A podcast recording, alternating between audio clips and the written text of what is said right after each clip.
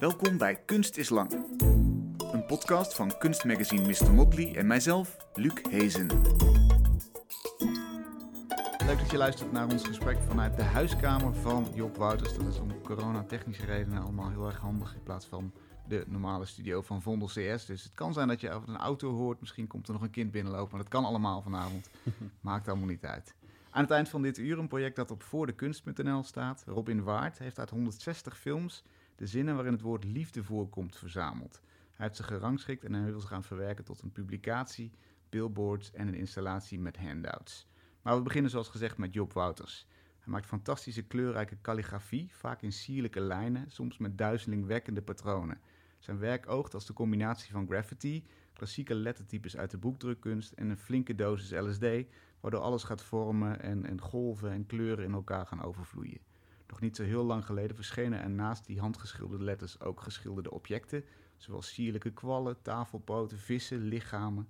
Al dit moois is te vinden op posters, muurschilderingen, als illustraties in internationale bladen zoals New York Times Magazine en in reclamecampagnes voor grote merken als Audi en Heineken, of als decor voor de Bijkorf en collecties voor bijvoorbeeld Dries van Noten, die Jobs werk ook op zijn kleding gebruikte. En recent is daar een heel nieuwe vorm bijgekomen. Samen met die andere zeer begaafde natuur- en patroonschilder Gijs Vrieling voorziet Job antieke meubels van grafische psychedelische patronen. Job, ik zou normaal zeggen welkom, maar in je eigen huis is dat misschien een beetje gek. Nee hoor, nee. Leuk nou dat ja, je hem ontvangt. eh, dankjewel, welkom. Jij ook welkom Ja, in dank je. mijn huis. Hey, als het gaat om de aantrekkingskracht van een lettertype, wat is dan het vroegste beeld wat jou bijstaat waarvan je dacht, wauw, dat is te gek. Poeh, eh, wat een goede vraag zeg. Ik denk dat dat wel te maken heeft met... Ik groeide op in Leiden. ehm, in, en in de jaren negentig was dat een soort graffiti-hoofdstad. En, eh, of een van de graffiti-hoofdsteden van, eh, van Nederland. Dus ik zag daar altijd wel heel veel letters die me ontzettend aanspraken. En die fascinatie die duurde zo een beetje tot mijn twintigste of zo. Kun je nog heb- één tag voor de geest halen? Ja, allerlei wel. Ehm, Schrijf er eens één. Nou, ehm, je had de zeer illustere schrijver Z uit Leiden. En eh, hij was ook een beetje mijn mentor. En nou, die had echt wel een hele mooie mintgroene eh, blockbuster gemaakt naast Leiden Centraal. En een blockbuster noem je eigenlijk een soort hele eenvoudige, eh, simpele, uitgespelde naam. Dus niet zo'n hè, moeilijk onleesbaar, maar gewoon eigenlijk eh, simpel en duidelijk. En vaak denken mensen dat het makkelijk is, maar het is natuurlijk het moeilijkst. Want alles wat daar niet goed aan is aan die letters, dat zie je gelijk. Maar goed, ik denk dat in die periode veel van mijn liefde voor letters ehm, geboren is. En toen ben ik daarna ook typografie gaan studeren in Den Haag. Ja, precies. Dus dat was redelijk één op één, bam. Ja, Daar, daar ontstaat het. En, en wat voor lettertype moeten we dan aan denken? Zijn dat, zijn dat even die hele ronde... Ik denk meteen bij graffiti aan heel rond en, en, en eh, vet, ik denk dat ik het, eh, dat ik het interessant vond, omdat, juist omdat het zo veelzijdig was. Hey, eh, de- eh, graffiti is echt zoiets wat, als je daar niet van snapt, dan is het allemaal een beetje hetzelfde. Mhm. Ehm, ja, net als rode wijn of zo. Dat drink je Ja. en dan denk je, ja, rode wijn. ja. Maar als je er daar een tijdje mee bezig gaat, dan zie je gewoon heel veel verschillende soorten nuances en, en vrijheid ook. Ik denk dat er veel vrijheid schuilt in, eh, in, die, in, die, in die hobby of die sport, of hoe je dat ook Wat, ziet. wat is het moeilijkste van graffiti? Wat, eh, kun je ons een tip geven waar we op moeten letten als we de volgende keer weer onder een viaduct doorgaan? Ik weet het niet. Eh, dat vind ik een moeilijke vraag. Ik denk dat het met veel dingen zo is dat juist de eerste begin vind ik eigenlijk vaak het mooiste. Dus eigenlijk van die hele lelijke, eh, ruige Oh ja. graffiti onder een tunneltje in Wallingsveen. En dat je ziet, zo, nou, dat heeft gewoon iemand van 12 gedaan. En die had er gewoon heel veel, heel, die vond het heel spannend. Ja, Ehm, dat vind ik vaak erg mooi. ja omdat er emotie in zit. Of, of- Ja, ja, zeg maar, ik, eh, ja, en als je het zeg maar, op een gegeven moment heel goed kan en dan een hele speciale spuitbus hebt en dan alles heel mooi netjes maakt, dan, ja, dan verliest het natuurlijk ook een beetje zijn ziel. Ja, wordt het saai. Ja. Eh, calligrafie is eigenlijk hoe ik jou introduceerde. En als ambacht kennen we dat natuurlijk uit China, Japan, uit Arabische culturen. Eh, soms eh, eh, gerelateerd aan de Koran, vaak zelfs in religieuze context. Later ook in christelijk Europa de monniken. Hoe, hoe, hoe belangrijk zijn al die bronnen van jou, van calligrafie? Hoe, ver ga je terug en ontleen je daar iets aan? Nou, ik denk dat ik nooit echt zo heel erg nerderig dat ehm, kunsthistorisch heb bestudeerd.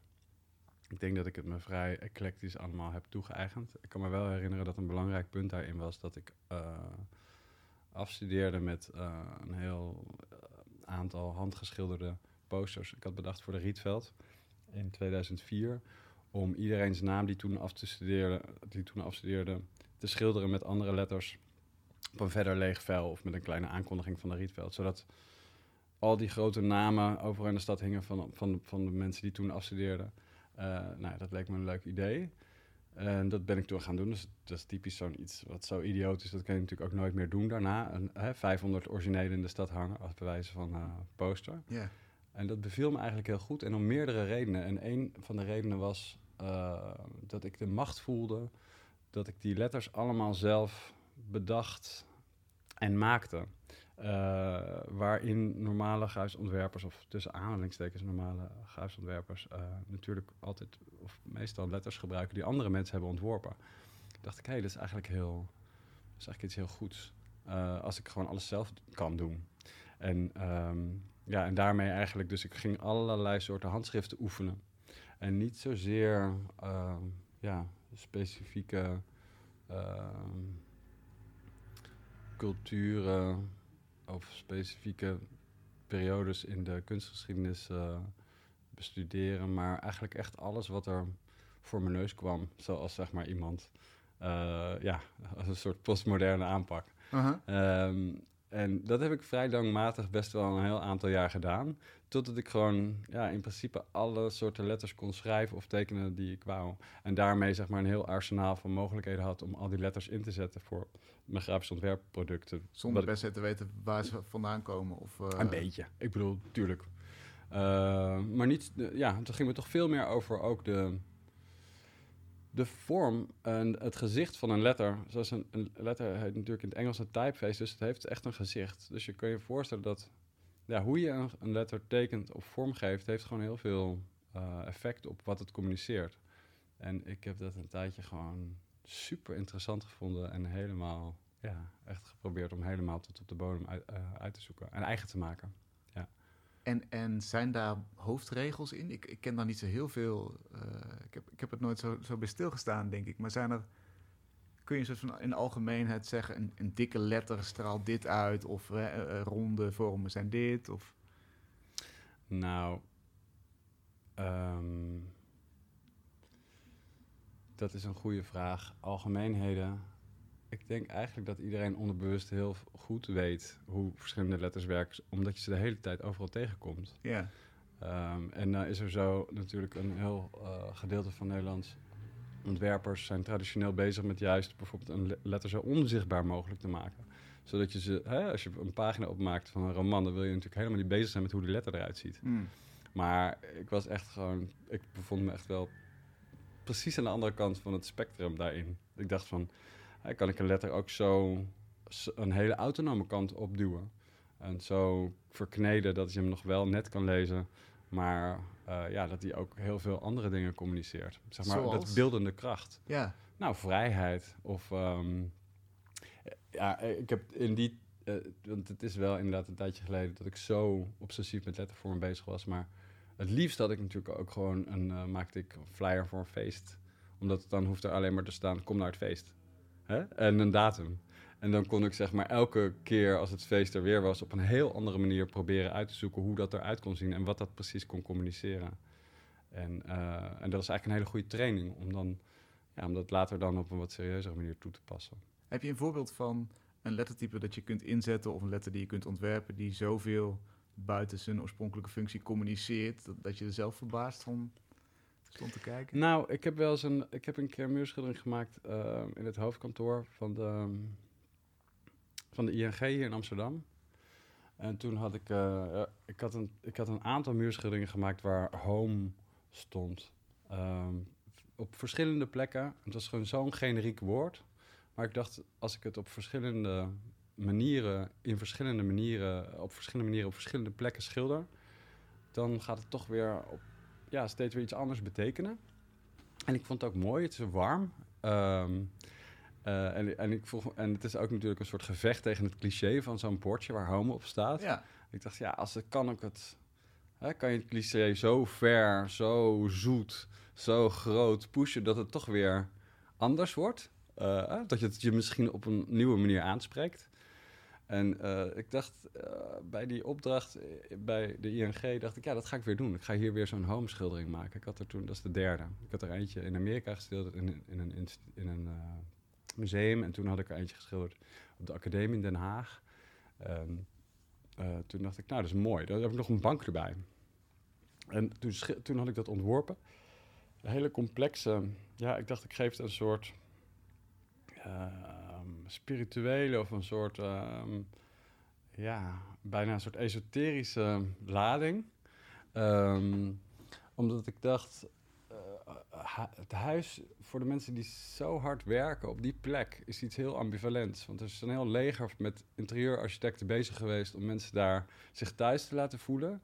Tegelijkertijd kan ik me zo voorstellen dat iedereen eigenlijk ook heel graag naar huis wil, maar niet kan. Ook omdat je toch, het is heel erg carrièregericht natuurlijk. Mhm. Het is echt zo op het toppunt van, ja, van hard werken. En eh, dus dat leek me eigenlijk, eh, ja, die twee dingen leken me heel mooi samenkomen. Dus eigenlijk zo'n soort, soort spirituele lofzang op het huiselijke. In een omgeving waar het eigenlijk, ja, waar het letterlijk alleen maar over geld gaat. Ja. En ehm, toen was ik dat aan het doen en ik had dat ontwo- ontworpen en ik had het geschilderd. Toen kwam er een bankier, eh, die, die maakte een praatje met me en, eh, en ik zei tegen hem, eh, hij zei van nou, wat mooi.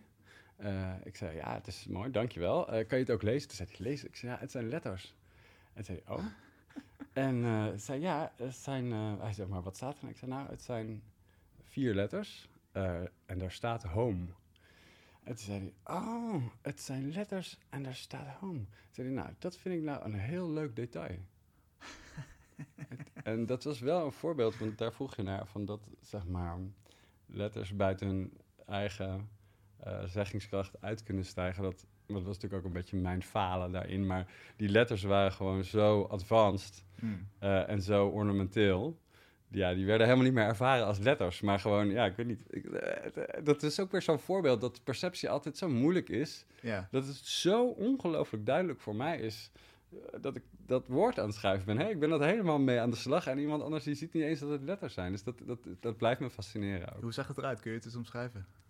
Het was een zwarte achtergrond en er waren eh, er zijn een soort, ja, een beetje een soort, eh, een soort mystieke eh, letters die eigenlijk als een soort, ja, die zich ehm, zo verhouden tot de architectuur. Dus van boven tot onder op een muur. En eh, ja, met een hele behoorlijk ingewikkelde architectuur zelf ook, die letters. Ah. Eh, ja, een beetje feeriek, doorzichtig, transparant. Dat is een soort kristal, zoiets. Ja, glas. Dus, dus dunne, dunne lijnen dan ook. Nou, best wel dik. Ik had met dikke grote spatters geschilderd. Het waren behoorlijk ferm, ferme, ferme letters. Ah. Maar eh, ik denk inderdaad dat ik nogal zelf nogal was doorgeschoten in mijn, in mijn fascinatie met dat, met dat materiaal. En die schilderen met die grote, met transparant schilderen met die grote spalters. Waardoor het gewoon voor iemand anders helemaal totaal onleesbaar was En geworden. ben je dan Ja. mislukt voor jouw gevoel? Of heb je dan gewoon iets, iets te autonooms gemaakt? Ja, ik weet het niet. Ehm, dat is nogmaals, dat is natuurlijk altijd zo'n soort, soms zo'n gapend gat tot, wat je denkt dat iets communiceert of wat voor een soort zeggingskracht dat heeft en wat, waar je dan soms mee wordt geconfronteerd wat iemand anders opmerkt. Ja, maar ging je met een, met een naar huis toen je dit hoorde? Nee, helemaal niet. Ik vond het. ehm, het is juist, het voelt. Kijk, dit was natuurlijk een beetje een grappig verhaal, maar er zijn. eh, Ik vind het vaak juist heel leuk om te schilderen. ehm, waar, in een omgeving waar mensen ook kunnen rondlopen en gelijk erop reageren. En ik merk daar ook wel een soort ver- verandering in. eh, dat je bijvoorbeeld dat vroeger, of vroeger, maar ik weet het niet, toen ik een beetje begon hiermee dat, eh, dat, dat, dat instituten of musea ook graag hun deuren dicht hielden als je aan het opbouwen was. En dat nu of de laatste tijd juist, dat ik soms vaker word uitgenodigd bijna om een soort performatief. eh, hè, om, omdat het zo mooi is hoe het eruit ziet. Dus dat is echt iets heel anders. Maar ik moet zeggen dat so- sommige kunstenaars vinden dat dan heel lastig. Ik vind het eigenlijk altijd heel leuk. Ik vind het, eh, ja, je hebt ook anders zo weinig contact eh, met je publiek. Mhm. Eh, ehm, als ik wat meer hier op tafel nu liggen twee boeken die komen binnen. Dan, ik maak een grafisch ontwerp eh, opdracht. Mhm. Heb ik een, eh, maak een boekcover. Maar ja, ik hoor eigenlijk nooit wat iemand ervan vindt. Ik kan het posten online en dan zegt iemand, hey, tof, weet je wel. Maar ik bedoel, dat je echt met iemand in gesprek kan gaan over je werk terwijl je, er, terwijl je het aan het maken bent, vind ik best wel heel leuk. Ja. Ja. Wa- wa- Wat is bijvoorbeeld een lettertype dat eh, troostend werkt? Als je stelt dat ik nu aan jou vraag, teken eens iets wat, wat troostend werkt. Zo, dan heb je me wel even te pakken. Kijk, het gaat natuurlijk nooit zo direct. Het is niet zo dat ik een register van eh, emoties open kan trekken. Net zoals, eh, ja, je, z- eh, je zou dat ook toch... Het is een moeilijke vraag ook aan een fotograaf. Van wat, voor, wat voor lens zet je op je camera als je wil dat het troostend werkt? Of wat voor soort... Hè, een foto, wat voor compositie werkt het best als je iemand wilt troosten? Poeh, ik weet het echt niet. Het, het is wel... ik, ik merk wel dat als je eh, een, een opdracht werkt... ehm, dat het altijd maken, reflecteren, maken, reflecteren is wat ik probeer te doen. Eh, en daarin probeer te bezien wat ik doe en, en probeer, eh, erachter, ja, probeer een idee te krijgen van wat het voor iemand anders zou kunnen betekenen. Dus daar is een, een rationeel proces voor nodig nog. Ja, nou ja, eerst allebei. Ja, je- dus, dus echt best wel. Ik maak altijd veel. Eh, is altijd het- en dan. Het klinkt heel slecht, maar dan komt er zo'n soort conversatie wel met het materiaal. Dus die gaan ook. Dat is ook een factor. Mhm. En dan gebeuren allerlei soorten eh, dingen. Ik denk, ah ja, dat gaat- het gaat toch een beetje die kant op. Het lijkt me eigenlijk best wel een goede, een, een goede nieuwe stap. Dat, Ja. eh, dat Ja, kan maar je, ja, je zegt dat het is wel een alsof partner. Je, alsof je je ervoor Ja. schaamt. Nou, ik weet het niet. Het gewoon zeg maar een een, dialoog met materiaal vind ik al op het randje. Platgetreden term. ja, een beetje misschien. Beetje de Eh, home van de, de artistieke term. Ja, precies, misschien. maar ehm, dat is ook het spanningsveld tussen, eh, tussen toegepaste of autonome kunsten. En ik begeef me op allebei die terreinen en dat vind ik ook heel leuk. En soms moet ik me echt heel direct verhouden tot een klant en een doelgroep. Hè?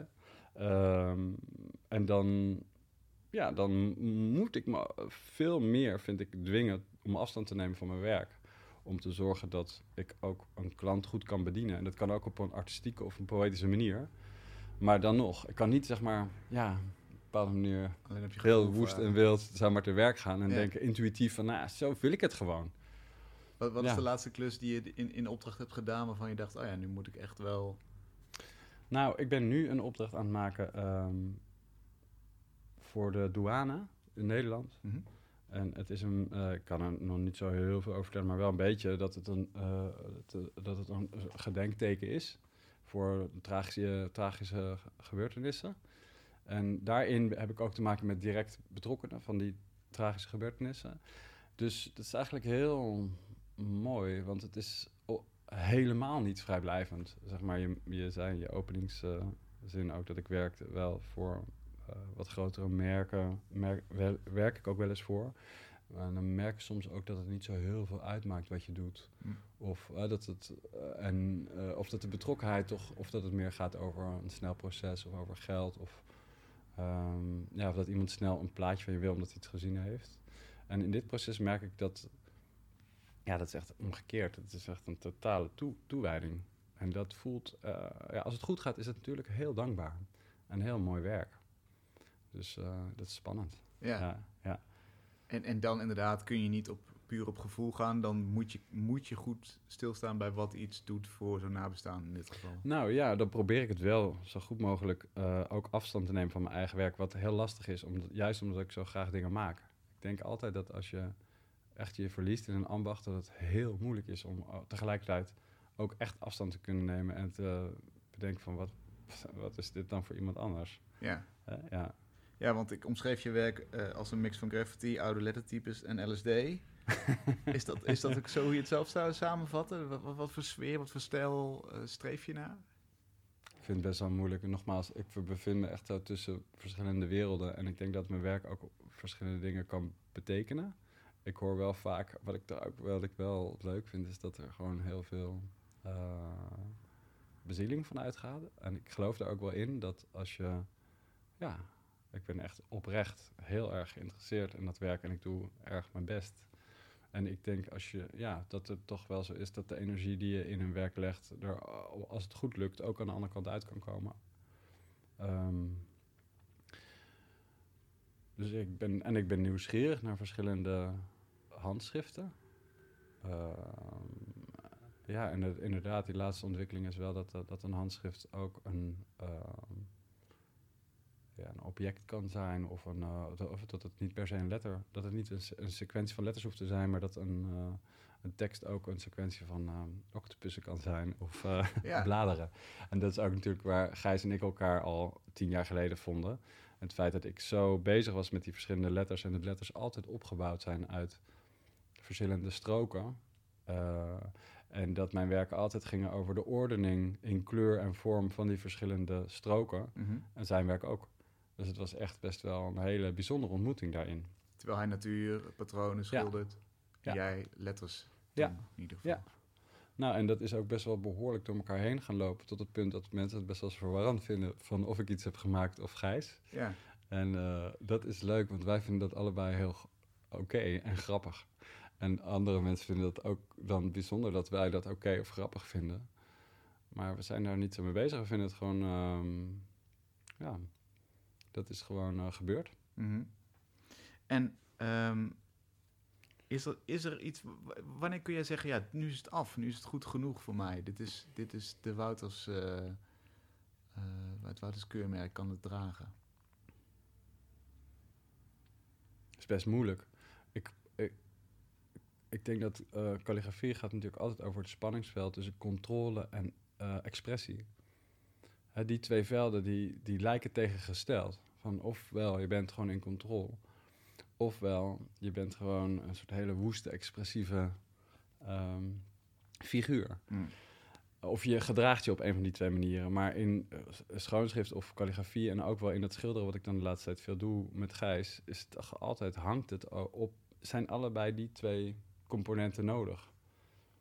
Ehm, en ik denk in een goed werk komt dat op een vloeiende manier samen. De ordening en het ongecontroleerde. Ja, ja, zeg maar het moment en de ordening. En eh, ja, we zijn vaak ve- veel bezig met echt geordende. Ik vind het een soort ideaal dat je een hele complexe schildering kan maken en hem gewoon nog een keer kan schilderen. Dat heeft Gijs natuurlijk ook. Ehm, en Wa- wa- waarom is dat het ideaal? Dat is wel interessant. ja, ik denk dat, ik denk dat het bij mij wel te maken heeft met eh, eh, het feit dat ik zoveel calligrafie heb bestudeerd, waarin altijd van je gevraagd wordt om, twee, om een complexe vorm te kunnen herhalen. Hè, in stroken. Ja. Eh, dus ik denk dat bij mij, ja. En ik, de- en ik heb ook echt een fascinatie met de handmatige kopie daarin. Dus ik vind dat altijd iets heel, ja, iets heel aantrekkelijks hebben. Het heeft ook iets van een goochelaar weg dan. Hè, dus dus Ja. iets, iets creëren wat Ja. totaal onmogelijk lijkt... en Ja. het dan nog een keer precies zo kunnen. Ja, en het, geeft, het is natuurlijk ook. Ja, het is tegengesteld aan het idee van een kunstenaar die een soort ultiem moment heeft in zijn atelier. En een kunstwerk wat alleen maar op een ultiem moment door een ultiem persoon heeft kunnen gemaakt kunnen worden. En ik ben altijd toch meer op zoek geweest naar eh, het ambachtelijke van het ontwerpen of van het. eh, ja, en met ambacht komt natuurlijk ook de mogelijkheid om iets te kunnen reproduceren. Ja. En, en dat spanningsveld, tussen zeg maar, wat ik eh, ontken het andere ook niet. Ik denk dat is er natuurlijk. Ja, oké, ja. En dat is iets heel moois. Ik ken dat zelf ook. Maar tegelijkertijd, zeg maar, de, de fascinatie met om het toch ik, eh, nog een keertje te kunnen. Ja, dat, vind ik, ehm, dat blijft me fascineren. Ik weet nog dat ik van Gijs een schilderijtje een keer had gezien eh, toen ik hem niet zo goed kende. En ik zei, ja, ik vind het zo'n mooi schilderijtje, kan ik het niet een keer ruilen? En toen zei hij, ja, ik heb een tentoonstelling. Kom van die mooie letters van je schilderen, titels bij mijn schilderijen. En dan krijg je dat schilderijtje van me. Ik zei, nou, dat is wel een goede deal. En toen had ik die letters geschilderd eh, in het Koopruim Museum. En ehm, toen was het schilderijtje verkocht. Dus ik dacht, shit, daar gaat mijn schilder, daar gaat de ruil. Toen zei hij, ja, maar dat is geen enkel probleem. Ik schilder het gewoon nog een keer. En toen dacht ik, ja, toen dacht ik, deze man, is dat, onze relatie is nog niet klaar. Dat was gewoon zo'n goed moment. Ik dacht, ja, dit is iets, dat wil ik ook. En Ja, was, dus was het net zo goed als het origineel? Totaal, het staat hier. ja, het is gewoon heel mooi. Het is een heel mooi stilleven met een ehm zo'n Duralex glaasje eh, met een bloem erin. En ehm, met een hele mooie rode achtergrond. Ik vind ook, Gijs houdt erg van Van Gogh. Dat zie je ook echt in dat schilderij. Waarin zeg maar het onderwerp en die achtergrond zo totaal elkaar... Ja, e- eh, dat alles even belangrijk is zeg maar in het Mhm, schilderij. mhm. Ja. Wat, wat inderdaad interessant is, want je kunt ook zeggen als kunstenaar jaag je een, een, een moment van inspiratie na. Eh, doe jij dat ook nog steeds, maar dan systematischer? Of zeg jij die inspiratie, die, dat zal wel, het gaat om oefening, het gaat om herhaling en om het doorzien van wat je doet? Mm, ik denk voor allebei. Ik heb echt, ik heb wel een soort verzameling boeken. Ik koop altijd veel boeken over verzamelingen. Ehm, omdat ik op een gegeven moment zo, ja, dan, als ik dan een, een hond wou schilderen, dan, dan betrapte ik me erop dat ik online naar honden zat te kijken. En dan altijd het mooiste plaatje van de hond is dan, heeft dan de slechtste resolutie. Dus ik dacht, dit hele, hele idee om zeg maar een beeldcatalogus te hebben, steeds maar meer te proberen te vinden online, vind ik, vond ik heel irritant om daar zo afhankelijk te zijn. Dus toen ben ik zeg maar dingen die ik gewoon interessant en mooi vind, boeken van gaan kopen van beeldcatalogie. En dat is toch meer, daar put ik veel meer uit. Mm. Dan, uh, ja, en dan weet ik gewoon van, nou, dat zijn gewoon de mooie plaatjes. En ik heb een tijdje zo heel veel glazen geschilderd bijvoorbeeld. Ik heb heel veel boeken over met mooie glazen, mooi gefotografeerd. Die zijn eigenlijk heel goedkoop te kopen. Ja, er is een oneindige wereld van uh, inspiratie. En uh, tegelijkertijd geloof, ik ook altijd in en gewoon gaan, iets proberen. dus dat, ja, nogmaals, dat het materiaal ook zo echt meedoet. Ja dat is toch ook nog wel uh, echt een factor. Qua, qua stijl, hè? moeilijk te formuleren misschien en elke keer misschien weer anders ook een beetje. Maar hoe zorg je er nou voor dat die calligrafie niet truttig wordt? Want het kan natuurlijk iets heel schoonschrift. Ja. kan net als, als schoon zwemmen en natuurlijk iets heel tuttigs krijgen. Ja, ik weet niet. Ik, ik moet zeggen dat ik daar vroeger meer me daar zorgen over maakte dan tegenwoordig. Dus misschien heb ik meer zelfvertrouwen daarin. Uh, vroeger dacht ik altijd, oh ja, als ik een gotische letter gebruik, dan moet ik hem echt neonroze gebruiken dan is die contemporary. Weet je? Oh je wil ook niet te veel verwijzen naar het verleden natuurlijk. Dat is wel een gevaar. Ik denk. Ehm, ja, als je puur zeg maar iets historisch gaat uh, quoten in je werk, dan ja, wat voeg je dan precies toe? En in calligrafie lever je alleen maar in wat is oneindig, is dat allemaal al oneindig veel beter gedaan. Hè? Dus er is niet zoveel aan toe te voegen. Dus ik denk dat... dat is wel ehm, grappig, want dat kun je natuurlijk over alle kunstwerken misschien zeggen. Ja, maar, het is ook zo. Maar dit is echt in, binnen een traditie. Ja. Dus je zou misschien meer dan anderen nog wel eens gelijk kunnen hebben ook. Dat het, dat het, dat het al zo inderdaad ontwikkeld is. Ja. Uh, omdat het in zo'n best wel... Ja, dat denk ik. Maar ik denk ook, um, hoe meer iedereen zich... Um, hoe meer het hele leven zich uh, ontvouwt in een digitale uh, omgeving, hoe relevanter handwerk en uh, zeg maar handkunde wordt. Dus ik denk dat is echt eigenlijk is het ontzettend modern hmm. om dat te doen. Het wint aan belang juist nu. Ja, dat, en, en, en, er is niet een soort, er zit geen statement in hoor van mij. Of ik vind ook, ik ben helemaal niet anti-computers of zo. Ik vind het echt magisch. En ook het hele internet. Ik denk mijlen zeker het begin van mijn carrière heb ik aan te danken aan het feit dat ik een afzetmarkt uh, kon opzoeken die groter was dan uh, Amsterdam. Oh, we, hadden, we hadden nooit gelukt. Dat de New York Times je vindt, is, is door internet. Ja, bijvoorbeeld. Ja. Nou, daar heb ik echt drie kleine illustraties voor gemaakt hoor. het staat toch goed? het staat toch goed op je Echt lang geleden. Oké.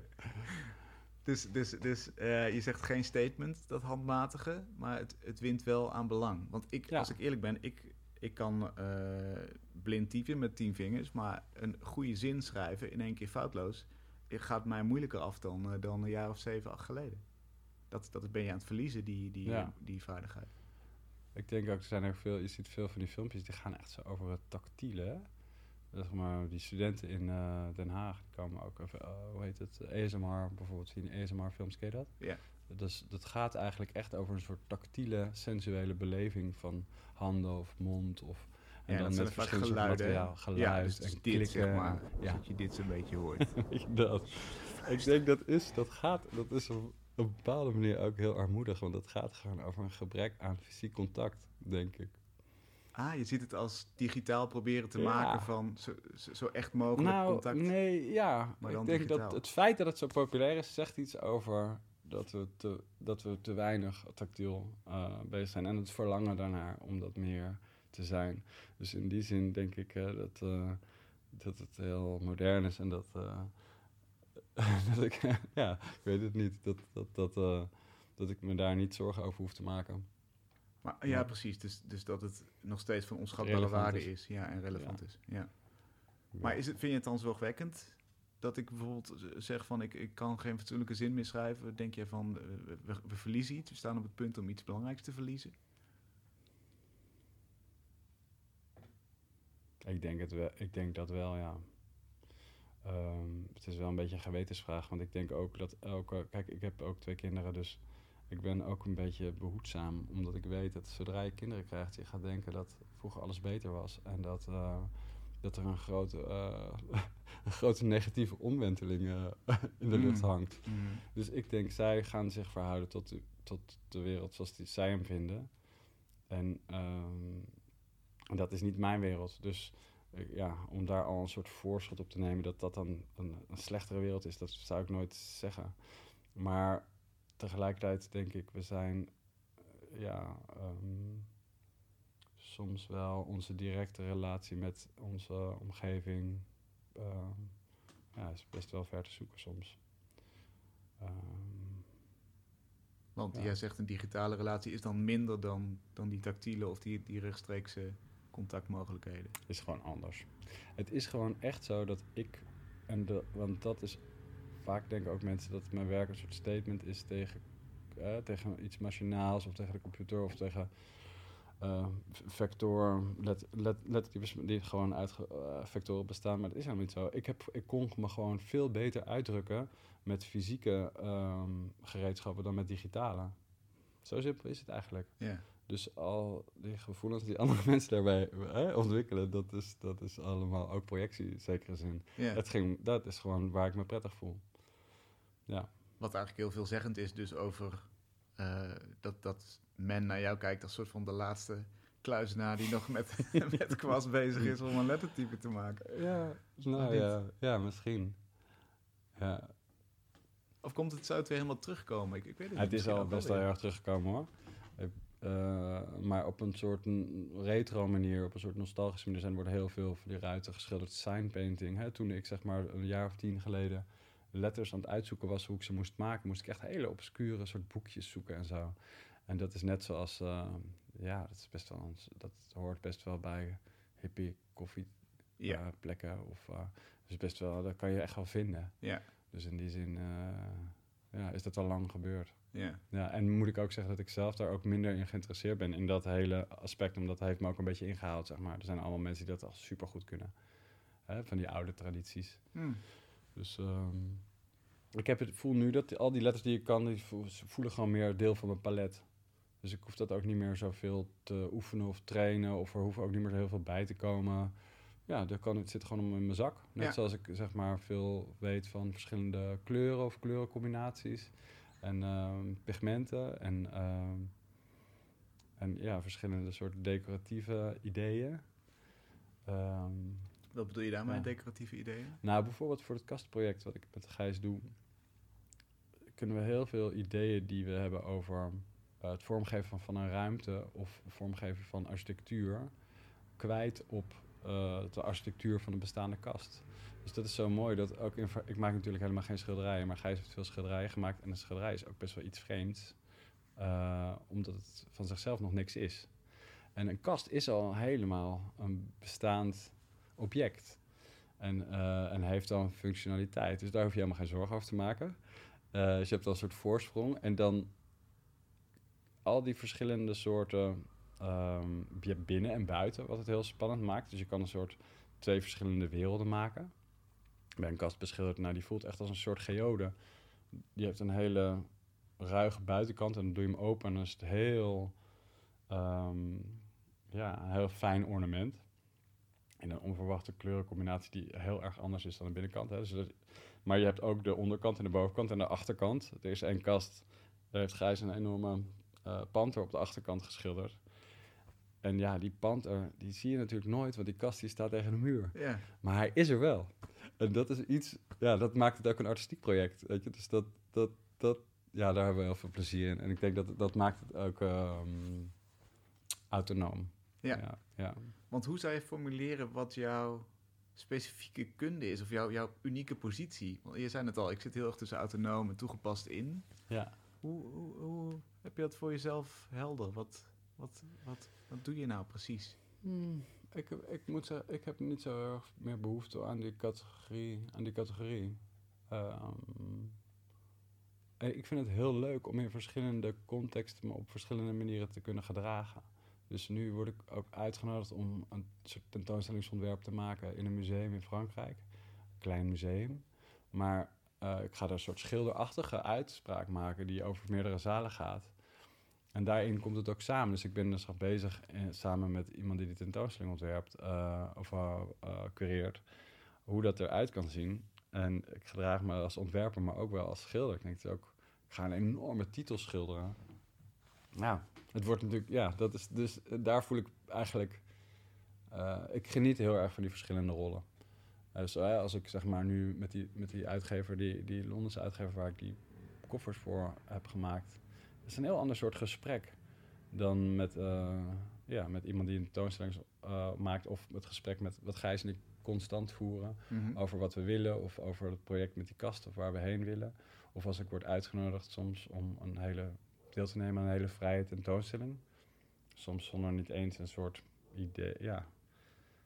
Dus, je, dus al die verschillende contexten, verschillende mensen en verschillende hoeken nodigen mij ook uit om mijn eigen werk op verschillende manieren toe te passen en te bezien. Ja, het is een geweldige positie eigenlijk. Een soort chameleon in, in allerlei, uh, in allerlei rollen. Nee, het kan ook wel eens lastig zijn, want ik kan er ook moe van worden. En het, ik heb ontzettend veel een opdracht gewerkt en je hebt je altijd te verhouden met iemand. En ik ben, ik ben ook altijd een beetje bang dat ik hem ontzettend moet inleveren of uh, dat het anders wordt dan ik denk. Of dat er, ja, dat het toch even uh, ja, wat minder geld was, dus dat er een soort aanpassing komt. Of dat, dat is met opdrachtwerk natuurlijk, zit je nooit helemaal aan het stuur. Mm -hmm. Ik bedoel, of dat is misschien wel, maar het is toch een soort gevecht ook. En in een betere relatie is dat een heel fijn en ontwikkeld gesprek met een ideale opdrachtgever. En die zijn er ook, yeah. maar niet altijd. Yeah. En ehm, ja, daarom voelt het ook wel heel goed om, om nu eigenlijk voor het eerst in mijn uh, werkende leven zelf producten te maken. En die dan proberen een, een plek te geven in de wereld. Namelijk die kasten die, die je met kasten, ja, maakt. Ja, ja. Ja. ja, dus dat project is echt een voorbeeld daarvan. Ik heb ook wel net ook een beetje hetzelfde. Ik denk dat het, dat het een soort verlangen is ook, maar ik heb net een serie gemaakt van drie zeefdrukken voor een Britse partij die vroegen van kan je een serie, een editie maken. Um, en um, ik was al een tijdje bezig met die fonetische vertalingen van vogelgeluiden. Ik vind het gewoon iets heel moois dat je probeert om uh, vogelgeluid te vangen in mensentaal. In je eigen systeempje. nee, nou ja, in mensentaal. Ja. Dus ik vond een gids waarin dus inderdaad uitgeschreven al die verschillende vogels uh, geduid werden. En ik vond het al, zeg maar, een soort totale dadaïstische gedichten worden onder elkaar. Mm -hmm. Dus ik dacht, ik hoef er ook niet eens zoveel aan te doen. Ik moet gewoon een paar mooie uitzoeken en die onder elkaar typograferen, verschillende manieren vormgeven. En nou ja, het is een soort uh, proces geweest natuurlijk, maar daar, die heb ik laten zeefdrukken in een soort hele atmosferische kleurstellingen. Um, en daarin ook ontdekte ik zowel de moeilijkheid die het geeft als je zoveel ruimte hebt, als, uh, eh, als, uh, als je aan het stuur zit, als je mag doen wat je wil. Maar ook gewoon die, uh, die ongelooflijke vrijheid, die ik dan ook weer niet echt gewend ben. Als je in een opdracht werkt, is toch altijd een verhouding met iemand anders. Ja. ja. En een deadline en een budget en ja. doelstellingen. Ja. ja. Eigenlijk is dit dus een beetje de vertaling van die afstudeeropdracht. 500 verschillende soorten handschriften. Ja. Uh, op, eigenlijk werk je nog steeds op eenzelfde soort manier. Gewoon in, dan in die rol, dan in die rol, dan Ja. voor dat project, dan met een opdrachtgever, dan autonoom. Ja. Nou, en letters eh, en eh, ornamentiek en afgeleiders daarvan zijn toch wel altijd uitgangspunten. En de- ja, die kan, ik, die, die kan ik gewoon op zoveel verschillende manieren toepassen. En ja, die voed ik wel op verschillende manieren. Zodat het levend blijft. Dat Dat vond ik het mooie van, van eh, een van de kasten die al af is. Dat zijn nog, nog niet zo heel veel volgens mij. nee, nee, het is net begonnen. Het is net begonnen. Eentje in de binnenkant van de deur staat over your city's grass will grow. Dat is een bijbeltekst. Eh, ook weer in die mooie kalligrafie. Dat, dat maakte ook wel de cirkel een beetje rond. Volgens mij een autonoom project, maar dan wel weer met die kalligrafie. Hè, die ook op, op, op bijbelse geschiedenis weer teruggaat. Eh, ja, en toch weer onmiskenbaar hedendaags door alle grafische patronen die erin zitten. En nieuw en vers. Hoe, hoe gaat dit eh, lopen met die kasten? Waar kunnen we het zien? Waar kunnen we het kopen als je, als je ja, nog ja, eh, dus het is leuk, want we zijn gewoon eh, volop in gesprek met verschillende soorten partijen. Dat zeg je dan, maar dat is ook echt zo. En ja, we voelen wel dat, het, dat in verschillende... dat wat ons heel leuk lijkt, is dat ze in verschillende werelden op verschillende manieren uitnodigen tot gebruik. Dus ik, ik- wij kunnen ons heel goed voorstellen dat ze in een soort extatisch interieur staan... ehm, omgeven door allerlei designmeubels. Ja. Maar het kan ook prima in een soort hele chique white cube-achtige galerie, waarin eh, waar die op een andere manier bekeken wordt en beschouwd wordt. En ik heb het idee dat die kasten zo zelfstandig zijn dat ze het wel aankunnen, zeg maar. Dat ze zich overal wel. Dus ah, oké, nou, ja, ik ben gewoon mezelf. Ja. Ze zijn niet ingehouden.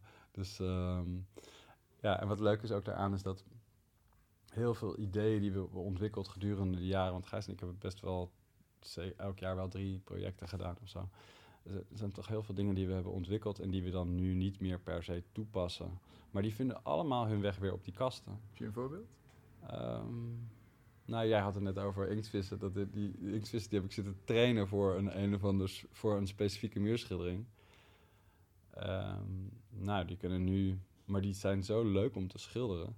Die kunnen, ja, een, een, een octopus is natuurlijk echt een bij uitstek een kalligrafisch dier. Mm. Dat, dat snapt iedereen. Kalligrafisch. nou ja, het is het enige dier wat geen vaste vorm heeft. Het is zo zwoel, het beweegt zo mooi. En je kan die tentakels alle kanten op laten gaan. Dus ja, ik voel daarin echt wel ja, een soort hele advanced, eh, complexe lettervorm die alles kan, eh, die alle kanten op kan gaan. Ja. Dus, eh, nou goed, daar, daar kan ik het nog wel even over hebben. Maar die, die, ehm, die octopussen gaan ook weer hun, hun weg vinden op die kasten. En ook het idee dat je iets kan reproduceren, wat Gijs en ik allebei dus heel interessant vinden. Dus nou, zou daar, ik kan me heel goed voorstellen dat ik vijf van die octopuskasten schilder. Zonder enig eh, gevoel van, oh, ik herhaal mezelf. ik bedoel dat letterlijk natuurlijk. Maar dat dat een problematisch zou zijn, nee, dat is juist iets eh vreugdevols. Ik denk, ja, nog een keer. Net zolang tot ze denken, nou, nou hoef ik geen octopussen meer te schilderen. Ja. Ja, ja nu ga ik eh, ja, planten schilderen. Of kristallen. Of, nou ja, noem het maar op. Waar vinden we dit online als we stel dat ze geïnteresseerd Ja, zijn? dit is echt nog best wel eh, pril, maar op Instagram hebben we een, eh, een, een nieuw account geopend. Het heet Freeling Waters. Dus dat zijn onze beide namen, maar ietsjes internationaler. Die, die ambitie hebben we wel. Ehm, en eh, dat account is pas net nieuw, dus nu zijn zijn we nu een beetje plaatjes op aan het, aan het posten. Dus het gaat eigenlijk heel goed. Mensen vinden dat heel, er wordt heel goed op gereageerd. We hebben net een soort sessie achter de rug met een waarin we een aantal dagen met me- op uitnodiging met mensen daar ook over praten. Want eh, ja, het is echt zo geboren ook in de, in de coronatijd. Ik had echt wel drie of vier projecten die gewoon niet doorgingen gelijk. En we waren het al met een Britse partner begonnen, dit project, net voor eh, de coronatijd. En toen was er ineens toch zoveel eh, st- rust. Die was er anders echt niet geweest. Dus we zijn het gewoon gaan doen. En nu is het ook tijd om te beschouwen. En ook om, omdat we zo eh, enthousiast zijn hierover, allebei.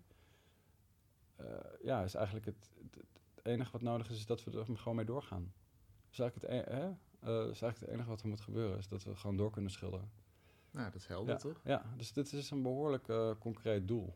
Dus Ja. die corona heeft ook nog iets positiefs opgeleverd. In ieder geval nieuwe artistieke mogelijkheden. Totaal. Dankjewel Job. Graag gedaan. We sluiten af met een project dat op crowdfund-website voordekunst.nl staat. Kunstenaar Robin Waard vond in 160 speelfilms uitspraken over liefde en heeft ze gebundeld. Ze moeten de vorm krijgen van een boek, een uit te delen papieren en een billboard. Dag Robin, welkom. Dag, hallo, goedenavond. Waarom heb jij voor filmquotes gekozen? Ehm, het, het is iets waar een ja, medium waar ik al veel langer mee bezig ben. Ehm, eigenlijk citaten. En in filmcitaten um, die vanuit films stils komen, zoals wij ze kijken met de ondertitels, heb je altijd een directe combinatie van beeld en tekst. En die verbinding vind ik um, spannend of mooi, omdat je um, als je het stilzet, dus de stemmen en de geluiden niet hoort, en eigenlijk er ruimte ontstaat om je voor te stellen wie spreekt er nou eigenlijk? Wie zegt dat van de twee mensen of van de drie mensen? Hmm. Of als er niemand in beeld is, um, wie is hier aan het woord? Of hoe klinkt zo iemand? hoe zeg je dat? Um, dus het, het, laat ruimte voor uh, een stem. En voor je eigen fantasie om het, om het aan te vullen. En dus dacht je, uh, nou ja, die ga ik verzamelen. En als, die, als je die allemaal achter elkaar zet hè, in zo'n boek, 160 stuks, wat, wat, wat zeggen die dan? Of wat, wat doen ze samen voor jou? Het hangt er natuurlijk vanaf hoe je ze achter elkaar zet. Um, denk ik, of aan de ene kant. Um, aan de andere kant, ik heb er veel meer dan 160. En dat, dat getal dat is voortgekomen uit het idee dat ik een dia-serie wilde maken. En een, dia, een oude dia-projector um, heeft 80 stils. En ik wilde een dubbele projectie doen. Het zijn ook als het ware iets wat je meestal, wat meestal tussen twee mensen uh, uitgesproken wordt. Um, ik denk dat als je ze allemaal achter elkaar zet, en dat klinkt cliché, maar het gaat over het cliché van alle clichés, is dat je er niet over uitgepraat raakt. Over, die, over dat ding liefde. Mm. Um, zowel, zowel een positieve als soms negatieve en vaak een wat ironische of nostalgische, uh, droevige soms um, dialoog erover. Als dat um, een idee geeft. Ik kan zo ook wel een stukje voorlezen van een paar zinnen, maar dat is het ook op de crowdfunder. Heb ik ook al wat citaten. Ja, doe er eens een paar. Doe, doe er eens een paar die je mooi vindt of die jij uh, interessant vindt. Nou, in het boek heb ik, uh, um, heb ik een soort verhaal gemaakt van de. Um, een soort, nou ja, een polyfonie of een, uh, een verhaal van allemaal stemmen die tegen elkaar botsen, maar die ook elkaar aanvullen.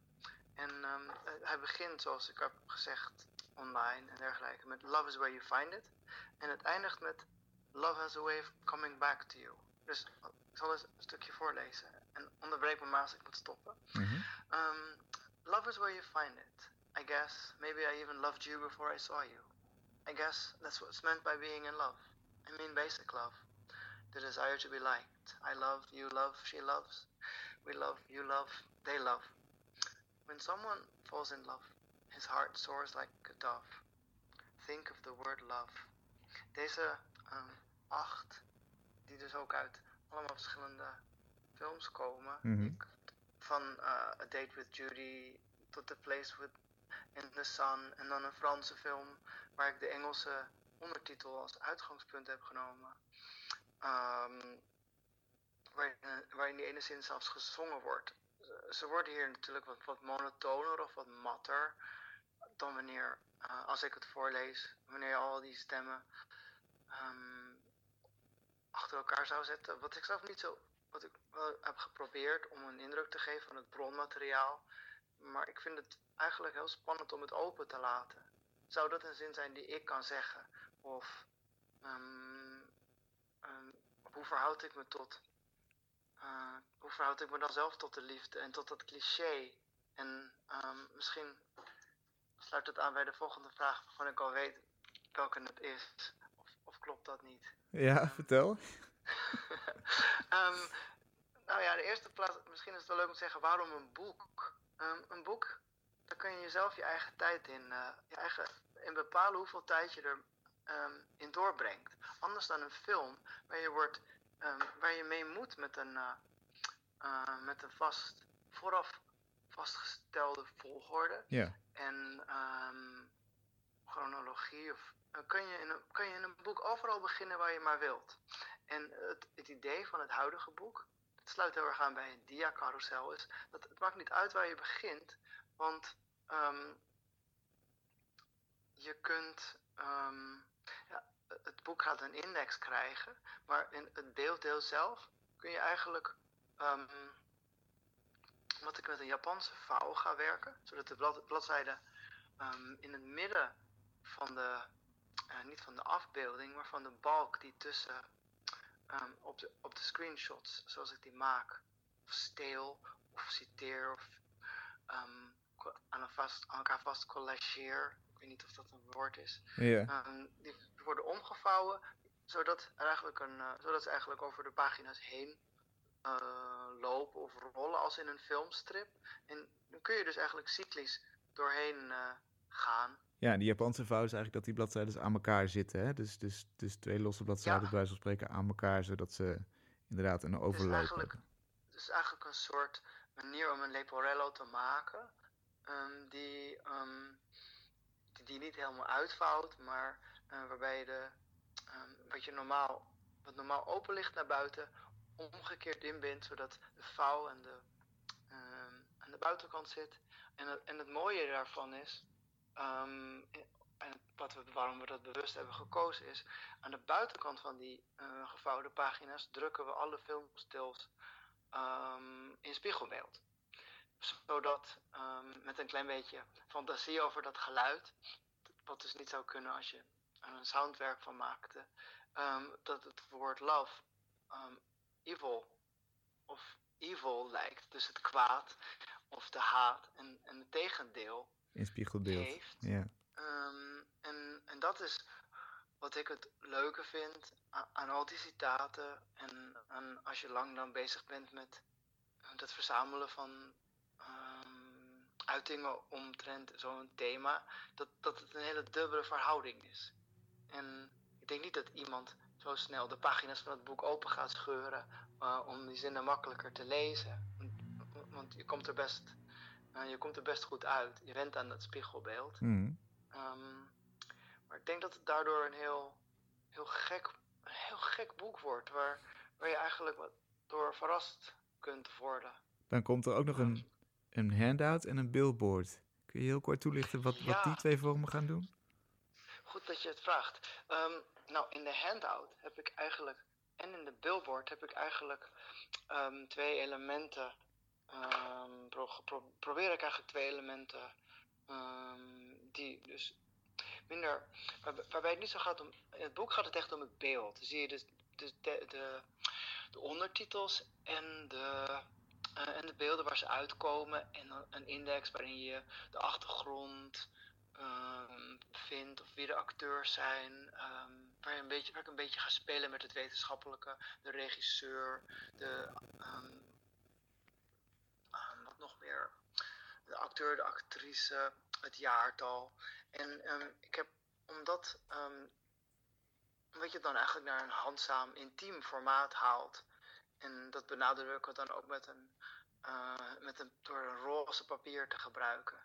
En, en, en de handouts en de... de... Ja, de handout is dus het roze papier, wat het boek is. Die Mhm. handout die gaat, ehm, die is al in Wenen nu gezien geweest. En die wordt ook bij de, een onderdeel van de boeklancering, als die in Amsterdam binnenkort dan plaatsvindt. Die heeft alleen de tekst uit de, ehm, uit de verzameling stils, als, als dat verhaal achter elkaar. Zodat het een, eh, ehm, zodat het een tekstwerkje is geworden. En, dat is, eh, en daar heb ik de kleuren roze die het boek niet heeft. Want ik ontdekte dat er, dat er 30 verschillende soorten rozes op de markt zijn. Ehm, daar heb ik al die rozes in eh, kunnen gebruiken door op een soort liefdesbrief, een kleine ode op A4 aan de liefde, ehm, los te halen van de grotere beeld eh, ehm, ding dat het boek dan wordt. En in de billboard zat ik te denken over, ja, maar die, die films die zijn ooit een keer heel groot geprojecteerd. Ik ga die tekst opblazen totdat hij een heel billboard voelt. En het, is nu een soort, het wordt nu een serie billboards waarbij ik steeds vijf of tien of twintig van die citaten tegen een zwarte achtergrond ehm, met witte letters als een nieuwe film van woorden ehm, kan presenteren. En dat is dan zowel de aankondiging van het boek, als het er zo meteen is, als iets wat ehm, tegelijkertijd kan bestaan. En misschien ook doorgaat, op, in elk geval op een website waar ik ze allemaal ehm, documenteer. Het wordt een heel bijzonder uh, drieluik. Hoe, hoe, kunnen we je vinden, Robin, op Voor de Kunst? Wat moeten we intypen om je project te vinden? Op Voor de Kunst kun je mijn naam Robin Waard intypen en Evil en Love. Um, ik denk dat Evil slash Love. En je kan ook mijzelf op mijn eigen website vinden. En daar is ook een link naar Voor de Kunst op Met een, een waard met een T. Dus... Dankjewel, staat genoteerd. Ik wens je heel veel succes met je project. Ja, heel erg bedankt voor, het, uh, voor de uitnodiging. Tot zover Kunst is Lang van deze week. Wij zijn de volgende week weer en dan is Chautize Solano mijn gast. Tot dan.